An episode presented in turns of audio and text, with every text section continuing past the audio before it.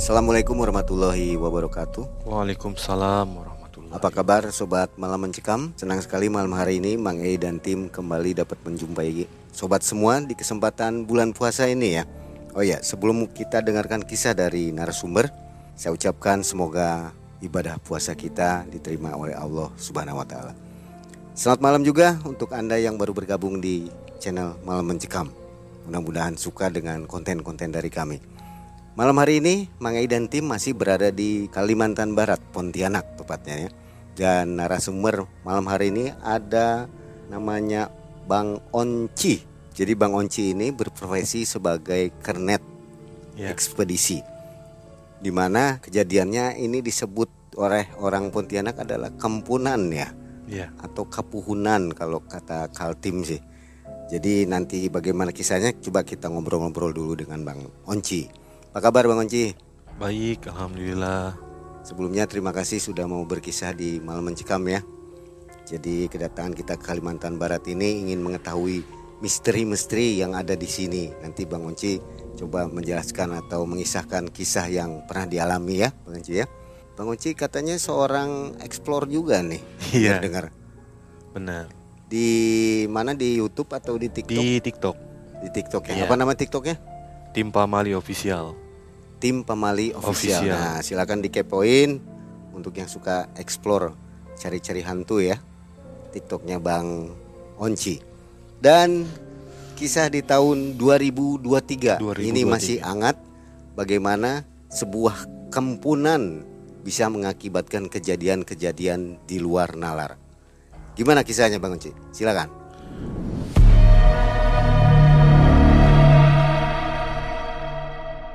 Jadi begini ceritanya. Ketika kami tepatnya di jam 11 malam sedang melakukan muat barang bersama teman saya yang dikatakan namanya Bang Anton. Ya, muat-muat barang sambil menunggu surat eh, jalannya dari bos kita. Pas waktu kita muat jam 11 malam sekitar 57 koli untuk diantar tibanya harus pagi. Nah, di tepat di jam 11 malam di situ ada fenomena yang saya rasakan kejanggalan berupa hujan yang tidak pernah saya alami, panas dan juga ke- ketika kena ke kulit itu timbul merah kayak bentol kalau ada ada benjolan. Nah, jadi saya bilang sama teman saya, Bang Anton, Bang Anton, ini kenapa tangan saya tiba-tiba eh, bentol dan juga ini cuacanya panas. Nah, kalau bisa ditangguhkan dulu, kata Bang Anton bilang sama saya, kita tunggu dulu, ndak apa-apa. Kita harus berangkat karena barang ini harus sampai tiba di Sambas pagi, diminta sama pelanggannya waktu itu kita berkendara dengan mobil pick up Panther ya. Habis itu kita menunggu setelah kita muat barang, menunggu surat eh, jalannya tiba, kita sambil menunggu baring. Ketika kita baring, saya baring di tempat kerja saya. Di situ hujan semakin gede dan juga nggak bisa dibayangkan. Hujannya itu panas, hujan di tengah eh, malam panas. Di situ mulai saya itu awalnya kedinginan, kedinginan terus panas. Nah, saya bilang sama teman saya, saya nggak bisa berangkat. Jangan kita paksakan, jangan kita paksakan. Itu terus saya bilang sampai tiga kali. Tapi teman saya memaksa bahwasanya suruh berangkat. Tepatnya di jam satu malam kita berangkat sambil kita menunggu janjian sama bosnya untuk mengantarkan eh, surat jalannya. Tiba-tiba dari perjalanan itu udah mendapatkan suatu kejanggalan bilang ke saya kamu nyium sesuatu di aroma eh, di dalam kabin ini bau-bau aneh nggak? Jadi saya bilang saya nggak nyium bau aneh ketika dalam perjalanan. Pas kita turun dari mobil untuk mengisi air radiator, saya disuruh turun ngisi air radiator. Di situ saya melihat ada kayak kembang kantil nempel di radiatornya. Cuman saya diamin dulu. Nah, setelah saya tutup kabin, tutup, naik mobil lagi, jalan lagi sampai di daerah Siantan. Di situ tiba-tiba ban kami itu kayak bergeser lepas bannya. Nah, itu ada kejanggalan yang saya alami. Terus kita ke pinggir untuk mengisi kedua kali, kita cek bongkar bannya. Di situ saya mencium bau yang diceritakan sama teman sopir saya, yaitu bau kembang.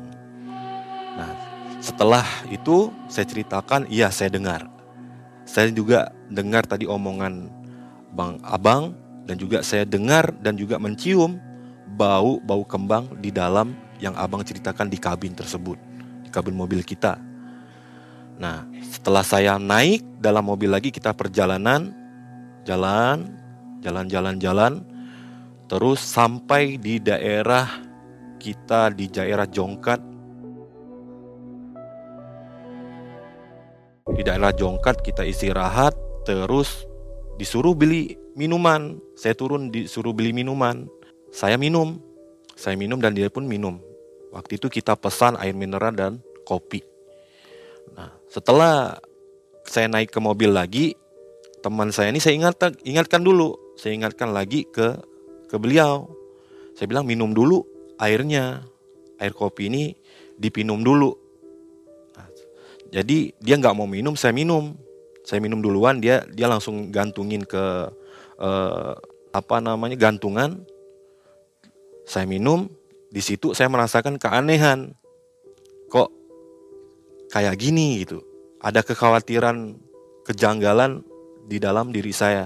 Saya bilang minum dulu, minum dulu, minum dulu. Ini bahaya. Ini air kopi. Air kopi kalau uh, nggak dipinum kita takutnya kenapa-napa. Nah setelah saya bilang seperti itu dia nggak minum, lanjutkan perjalanan.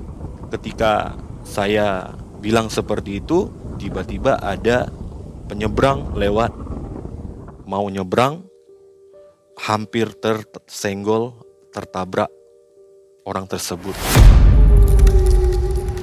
Tiba-tiba sopir saya langsung membantingkan setirnya.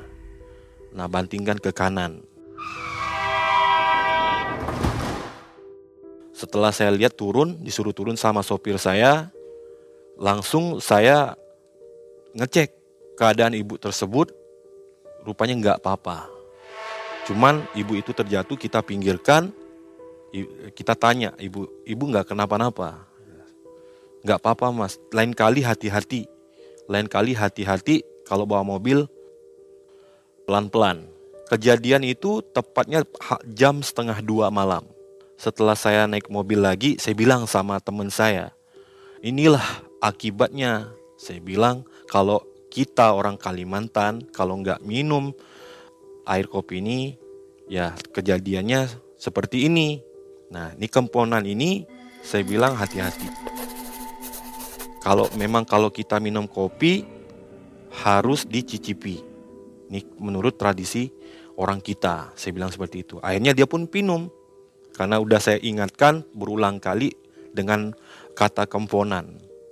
Nah, setelah dia minum, kami lanjutkan perjalanan lagi tepatnya jam setengah tiga kami sampai ke titik yaitu yang dinamakan jembatan air air hitam. Di situ ketika kita bawanya muatan itu cukup berat dan juga tanjakan dari jembatan tersebut agak sedikit bergelombang, ada lobangnya, kita pun pelan-pelan. Saya bilang sama teman saya, jembatan ini kalau bisa dikelakson sebanyak kurang lebih tiga kali di jembatan tersebut. Nah, di klakson sama teman saya, di klakson naiklah posisi mobil itu agak sedikit miring dan juga setir itu nggak stabil. Jadi saya bilang sama teman saya, kalau bisa kita ke pinggir dulu. Teman saya tetap memaksakan mobilnya untuk melalui jembatan tersebut. Nah, tiba-tiba waktu pas turunnya mobil ada mobil lagi, mobil bak terbuka langsung mau nyalip antara kami di sisi kiri, dia di sisi kanan. Langsung nyalip, kawan saya kaget. Nah, teman saya kaget, langsung banting ke setirnya lagi sehingga menabrak salah satu beton yang ada di jembatan tersebut.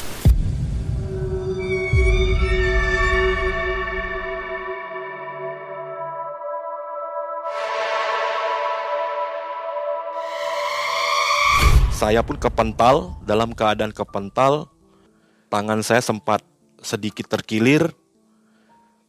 Habis itu saya turun, turun di e, dari mobil tersebut, bilang ini udah udah parah. Saya bilang sama teman saya, udah beberapa kali diingatkan sama saya tentang saya nggak bisa turun sebenarnya, tapi dipaksakan untuk turun bekerja sebagai kenet.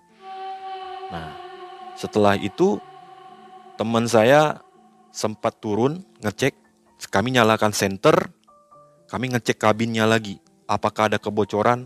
Ternyata di situ kabin saya dan juga tempat mesinnya untuk minyak remnya itu jebol, terus air radiatornya itu udah nggak bisa diisi air lagi. Keadaan di sana waktu itu sepi, hanya sekitar empat mobil yang lewat karena bawa keadaannya waktu itu pelan dan juga ngantuk. Setelah itu di jembatan tersebut perjalanan sekitar kami turun, saya buka kabin lagi untuk ngecek lagi kok belum nyala-nyala lagi. Nah, tiba-tiba pas saya buka kabin nyorot pakai pakai senter, kepala saya nunduk, lihat ke bawah ngecek ke ban, tiba-tiba ada sosok anak kecil. Nah, anak kecil laki-laki kira-kira umurnya lima tahun pas di bawah kabin, di bawah kabin uh, mesin itu. Saya kaget, saya bilang sama teman saya, uh, saya bilang coba abang lihat ini anak siapa di bawah.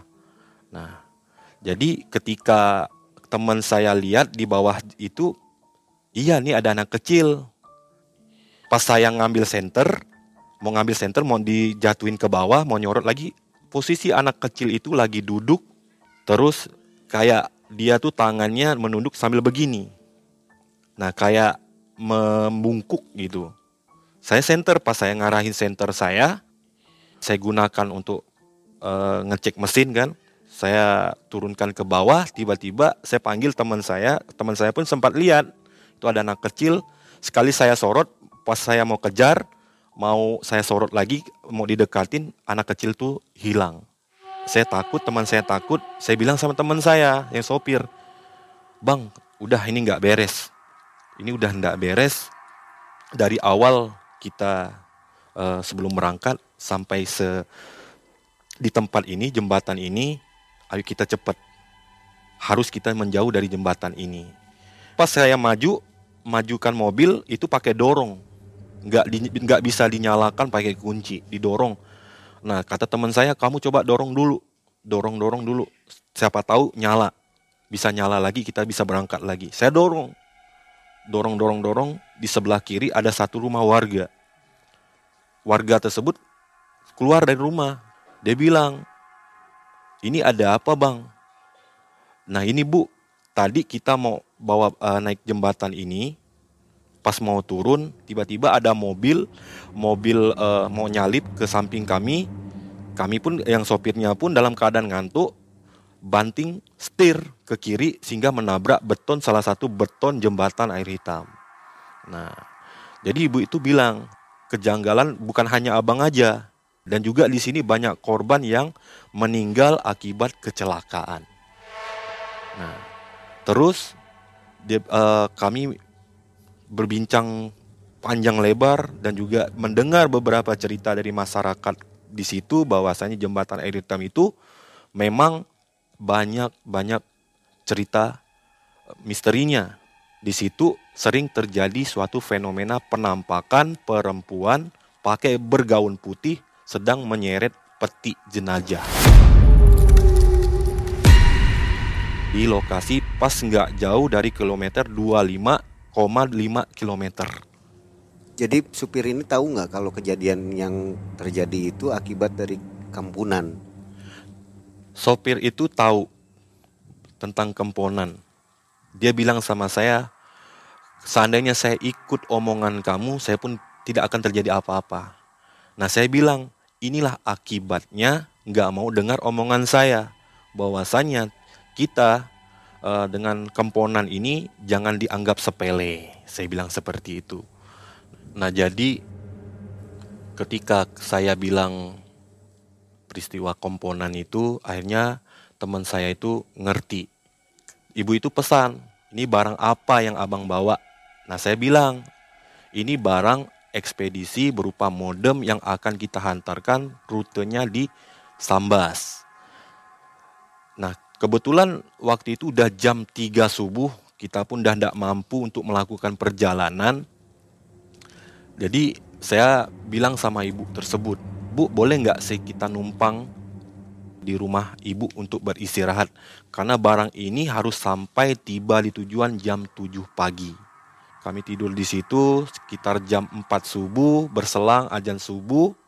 Waktu pas saya ambil air wudhu, pas bausu ke muka, di situ saya lihat lagi saya dilempar dengan satu buah kerikil tepat kena kepala saya pas nggak jauh dari jembatan air hitam tersebut.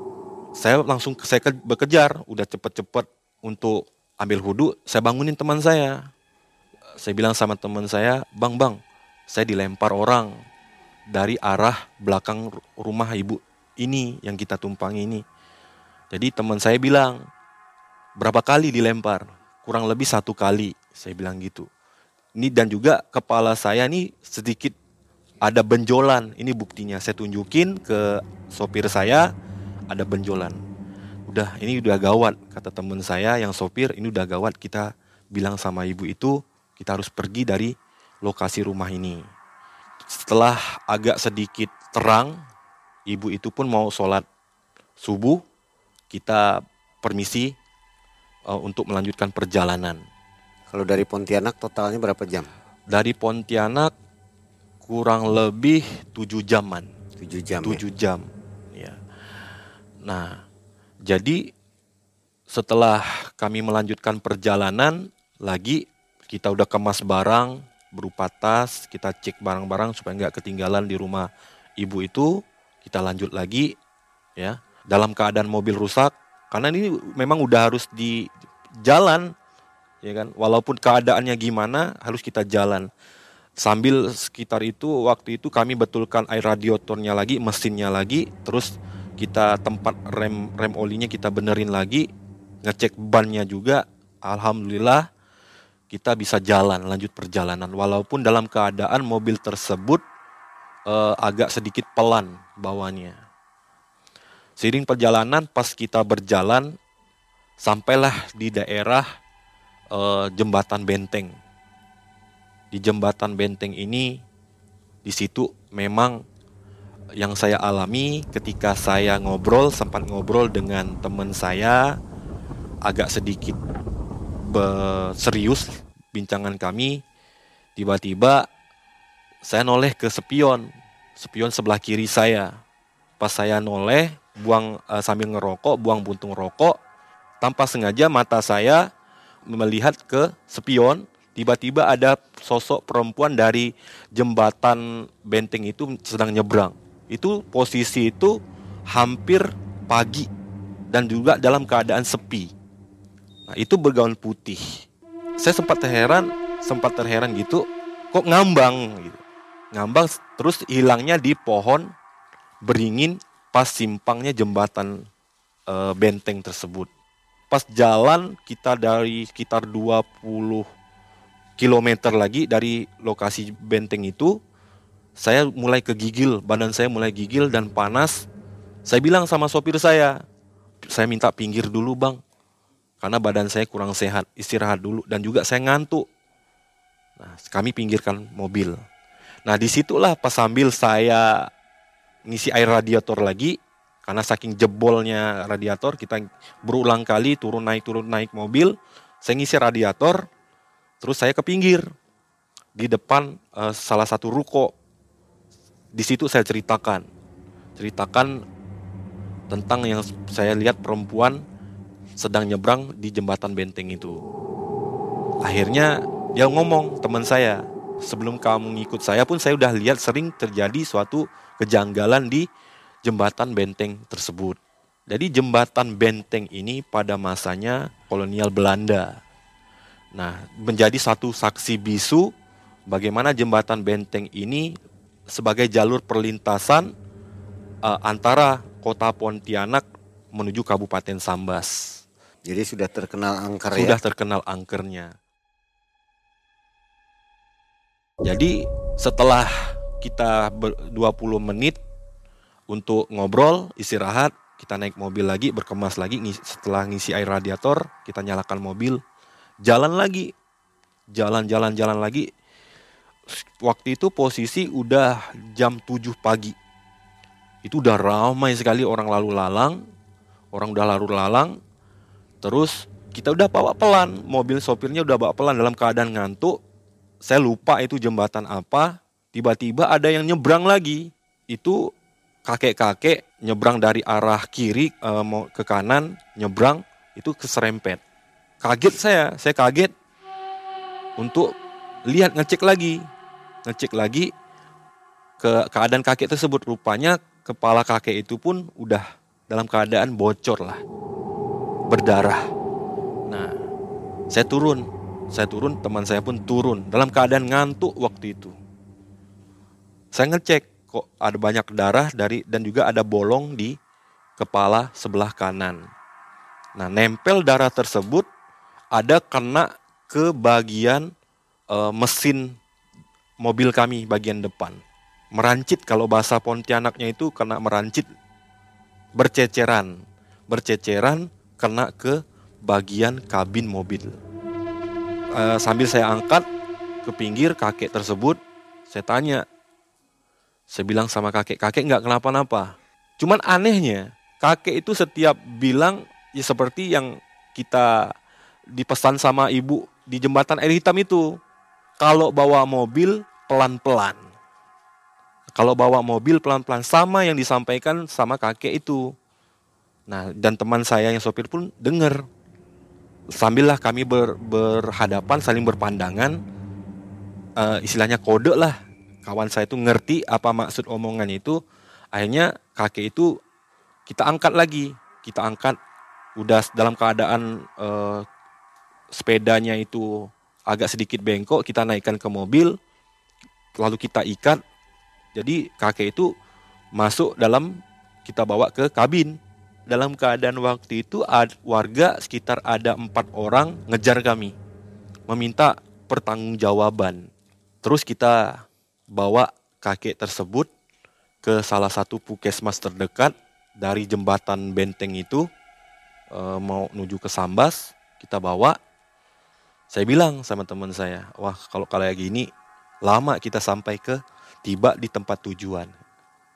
Tapi dia bilang sama saya sabar dulu sabar dulu. Yang penting orang ini bisa dalam keadaan selamat sehat.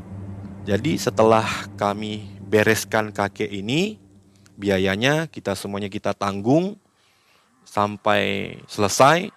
Kita selesaikan secara kekeluargaan, kita pun selesai. Saya bilang sama teman saya, harus kita cepat barang ini harus sampai ke Kabupaten Sambas.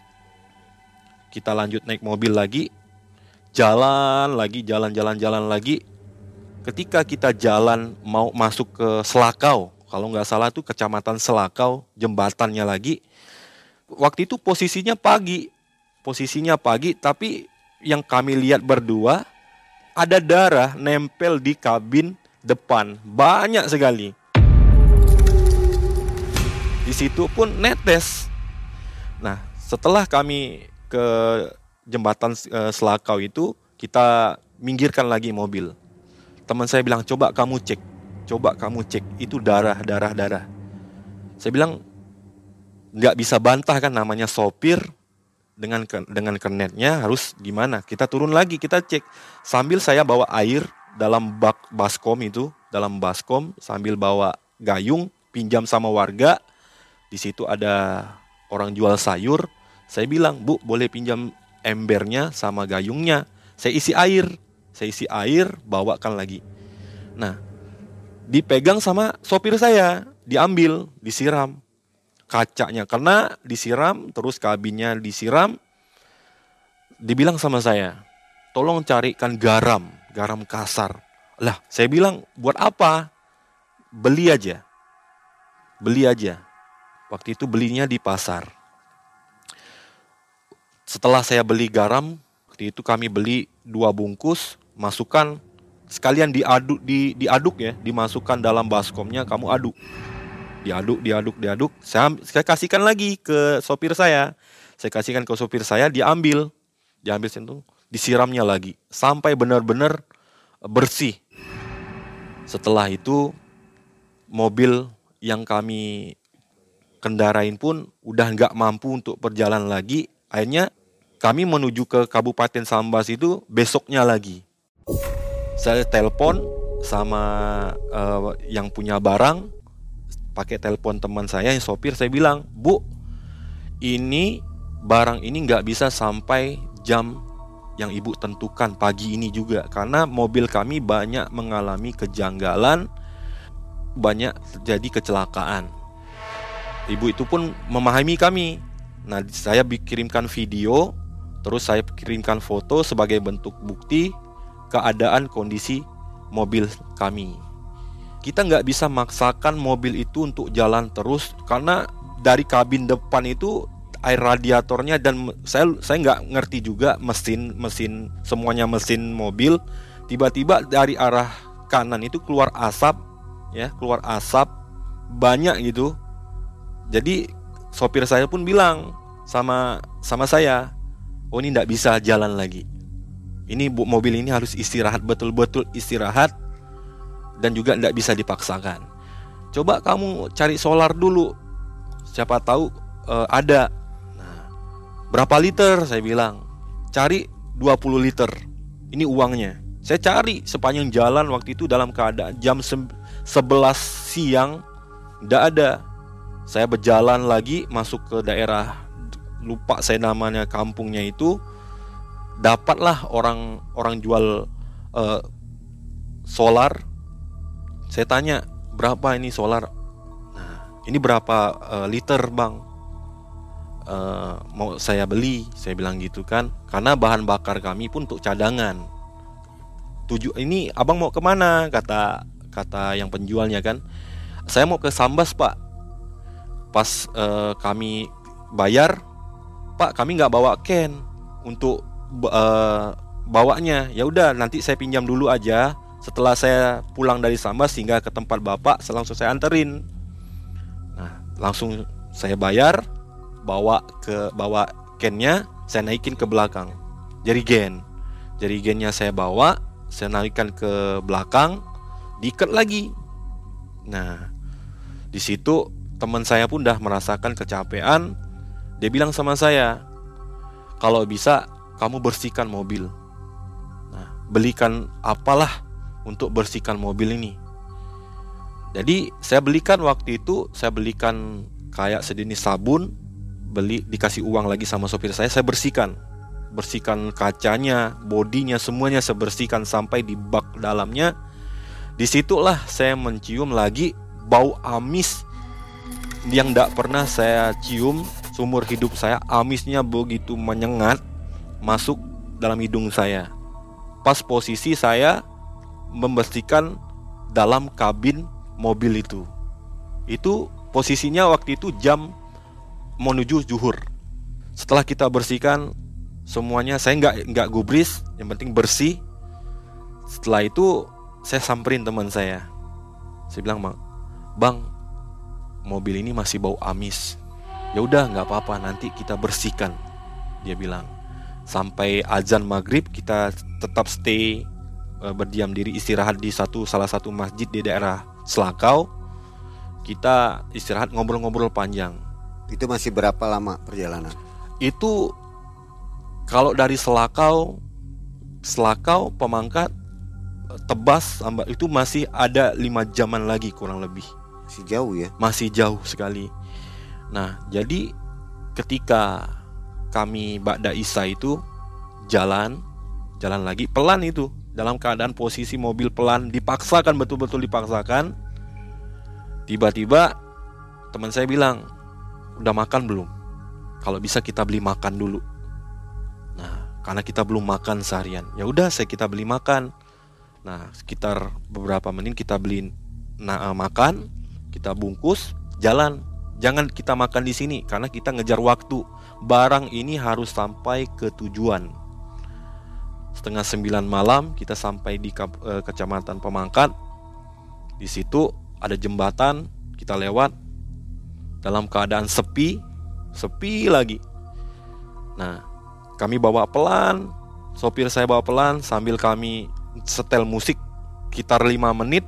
Setelah saya puter agak naikkan volume satu jalur sedikit lagi menuju kota Samas. Di situ jelas suara anak kecil teriak.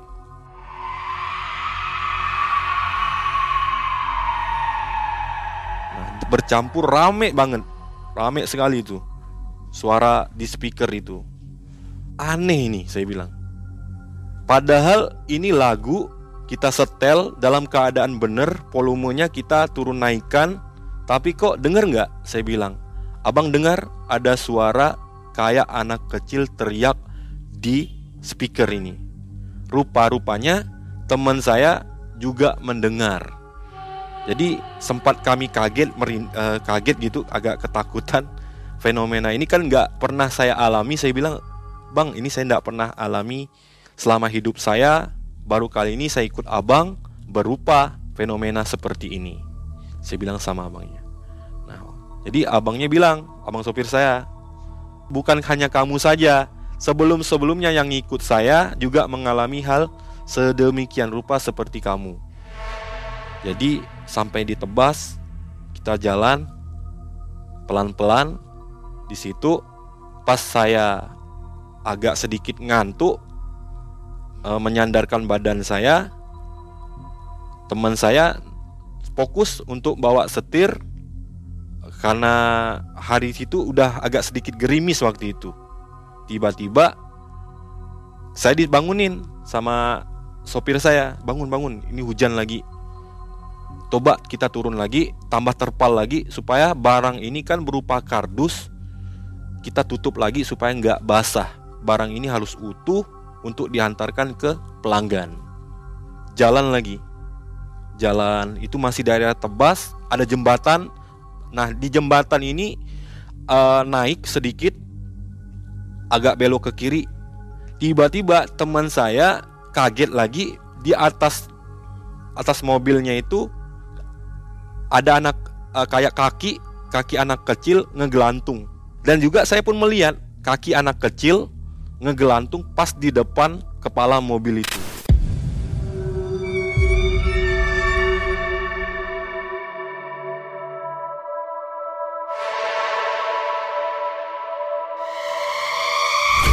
Saya bilang, abang lihat lagi nggak? Ada anak kecil kakinya ngegelantung? Iya saya lihat. Saya ngecek lagi bawah center. Saya sorot lagi daerah bawah, bawah, atas lagi se sekeliling mobil saya ngecek nggak ada. Padahal di situ dalam keadaan sepi, hujan, hanya kami berdua dalam mobil tersebut. Bang, saya bilang, kalau kayak gini aneh nih bang, saya bilang gitu kan. Tidak pernah saya rasakan seumur hidup saya. Kenapa seperti ini bang? Nah, jadi saya bilang sama abang itu, sempat saya ingatkan lagi tentang kemponan itu. Kalau anak orang nggak mungkin naik di atas dek mobil bak kita, saya bilang. Sambil di daerah Tebas itu kita jalan lagi, sempat kita ngucap dalam hati. Saya bilang sama teman saya, saya ingatkan kalau bisa berdoa dulu lah. Semoga yang Maha Kuasa memberikan apa eh, keselamatan buat kita di situ sempat saya pakai minyak wangi, ya kan, solawat, sempat saya bersolawat juga, minta doa juga, langsung jalan lagi. Sampailah di daerah waktu itu Sambas. Kami jalan masuk pelan dalam keadaan pelan, pelan-pelan lagi. Pas masuk ke daerah Gapura. Waktu itu hujan udah reda. Hujan udah reda, bannya kempes. Mau ganti ban, ban serap, ban kempesnya gantikan dengan ban serapnya. Setelah kami ganti, ganti ban semua, saya nyalakan senter. Nah, saya nyalakan senter lagi, ngecek lagi apakah ada kempes lagi. Itu kan cek sebelah kanan, ban depan, ban ban belakang, saya ngecek lagi. Di situ kembali tercium bau amis lagi, Bang. Bau uh, amisnya begitu kenceng masuk ke hidung saya. Di situ saya sempat mual, mual-mual muntah gitu. Saya bilang sama teman saya, coba abang ke sini gantian loh. Saya udah ndak mampu, coba abang ke sini cium bener-bener. Apakah saya ngada-ngada gitu? Dia turun untuk ngecek juga, ternyata sama penciuman saya dengan penciuman abangnya sama mencium bau aroma amis dari belakang. Setelah itu kami udah selesai bongkar ban, pasang ban serap, kita pun lanjutkan perjalanan. Perjalanannya lagi di situ pas depan keraton, keraton Sambas. Kami stop kan ada ada ada gerbangnya. Nah, di situ kami istirahat. Jadi saya sempat bilang juga lagi dan lagi saya bilang kalau bisa jangan hujan yang begitu lebat kita harus berangkat jangan dipaksakan. Saya bilang sama teman saya karena pasti akan mengalami hal-hal yang aneh. Nah lain kali ingat omongan saya pakai omongan saya supaya kita dalam keadaan selamat sampai ke tujuan masuk lagi daerah Sambasnya itu eh, daerah Kampung Angus ya kalau nggak salah Kampung Angus di situ saya disuruh merekam suatu video untuk perjalanan, untuk story. Nah, untuk story WA. Coba kamu setel lagi lagu, kamu sorot pakai HP kamu, nanti kirimkan ke bos. Nah, kirimkan ke bos untuk sampai di titik mana kita sekarang. Jadi saya nurut aja. Waktu itu posisinya jam 12 malam. Saya jalan, buka buka musik, setel lagi musik, kita jalan sambil nyorot nyorot ke depan. Dan saya tunjukkan ke teman saya hasil videonya. Saya buka dulu videonya kok ada keanehan lagi? Jam 12.03 di pinggir jalan jembatannya itu saya lupa jem, nama jembatannya. Di situ memang kayak ada perempuan berdiri perempuan berdiri yang saya pandang perempuan berdiri pakai bergaun putih panjang jadi setelah uh, saya jam uh, jam tadi kejadiannya di jembatan itu saya lihat ada sosok perempuan, saya sempat bergetar badan saya bergetar kayak panas. Coba saya ambil tangan sopir saya sebelah kiri, tempelkan ke jidat saya. Coba kamu rasakan apakah badan saya panas? Kayaknya ini udah bergetar gitu tangan saya.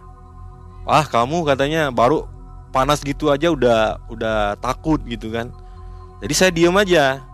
Nah, di, sambil saya bungkus kepala saya pakai ini, jaket ini yang saya pakai, saya bungkus, langsung saya pakai selimut, saya saya giniin badan saya saking nggak tahannya panasnya badan saya melihat perempuan yang tadi di jembatan menuju Kabupaten Sambas itu. Udah subuh saya bilang sama teman saya waktu itu jam setengah tiga ini percuma kalau masuk ke dalam barang ini diterima pasti pagi lagi. Siapa juga yang mau menerima barang ini jam 3 subuh? Mana ada orang untuk buka pintu saya bilang gitu. Ah benar juga katanya. Ya udah kita istirahat dulu. Nah, setelah istirahat itulah saya buka bilang sama teman saya yang sopir, "Bang, coba lihat videonya. Betul nggak rekaman saya gitu." Setelah saya memang saya udah lihat perempuan. Nah, setelah abang uh, sopirnya yang sopir saya itu buka video loh kok begini? gitu. Nah coba abang bandingkan video saya dengan handphone abang dengan handphone saya. Ini loh bang ada perempuan tepat jam 2 2403 saya masih ingat saya bilang di sebelah kiri bang masa abang nggak lihat? gitu. Masa abang nggak lihat ada perempuan pakai baju putih rambutnya panjang sambil menunduk. Gimana aku mau lihat katanya. Sedangkan dalam keadaan aku nyetirnya fokus. Nyetirnya fokus katanya. Nah dilihat dari video itu ternyata benar. Nah di situlah baru benar-benar dia yakin apa yang saya alami dan juga dia alami. Nah waktu itu saya tanya sempat saya bilang sama teman uh, sopir saya uang sisa berapa? Uang kurang lebih sisa 200 ribu. Coba sisa 200 ribu saya bilang gimana kita mau pulang? Sedangkan solar harus kita cadangkan lagi. Jadi telepon bos. Saya ceritakan secara detail kronologinya. Disambut lagi handphonenya. Coba aku yang ngomong katanya. Biar meyakinkan bosnya lagi dia, dia diambil handphone saya sama teman sopir saya. Ngobrol lah sama bos. Bahwasanya minta uang lagi untuk bahwasanya be, uh, bekal kita bekal tambahan. Jadi saya dengar perbincangan itu sama teman saya dengan bosnya. Bahwasanya uang itu nanti setelah sampai ke Pontianak diganti. Hanya dikirimkan di transfer nah di situlah baru kami bisa makan kedua kalinya. Coba kamu cari makan dulu karena aku udah lapar. nah subuh katanya. Kita makan kita belum makan malam. Nah makan sambil kamu beli air mineral. Jalan. Jalan di situ ada pondok kecil kita beli makan beli kue terus beli nasi. Kita untuk makan nasi bungkus kita bawa. Setelah kita bawa ke mobil nah di situ kita makan. Itu pas di depan keraton. Tiba-tiba hujan lagi. Sempat saya khawatir juga kan wah ini udah parah nih saya bilang. Hujan terus hujan terus. Saya khawatir. Saya bilang sama teman saya barang ini aman ndak untuk uh, kita bawa? Saya bilang gitu kan. Jadi teman teman saya bilang pasti aman karena udah dilapis dua. Nah sampailah ketika kami makan selesai makan lanjutkan perjalanan lagi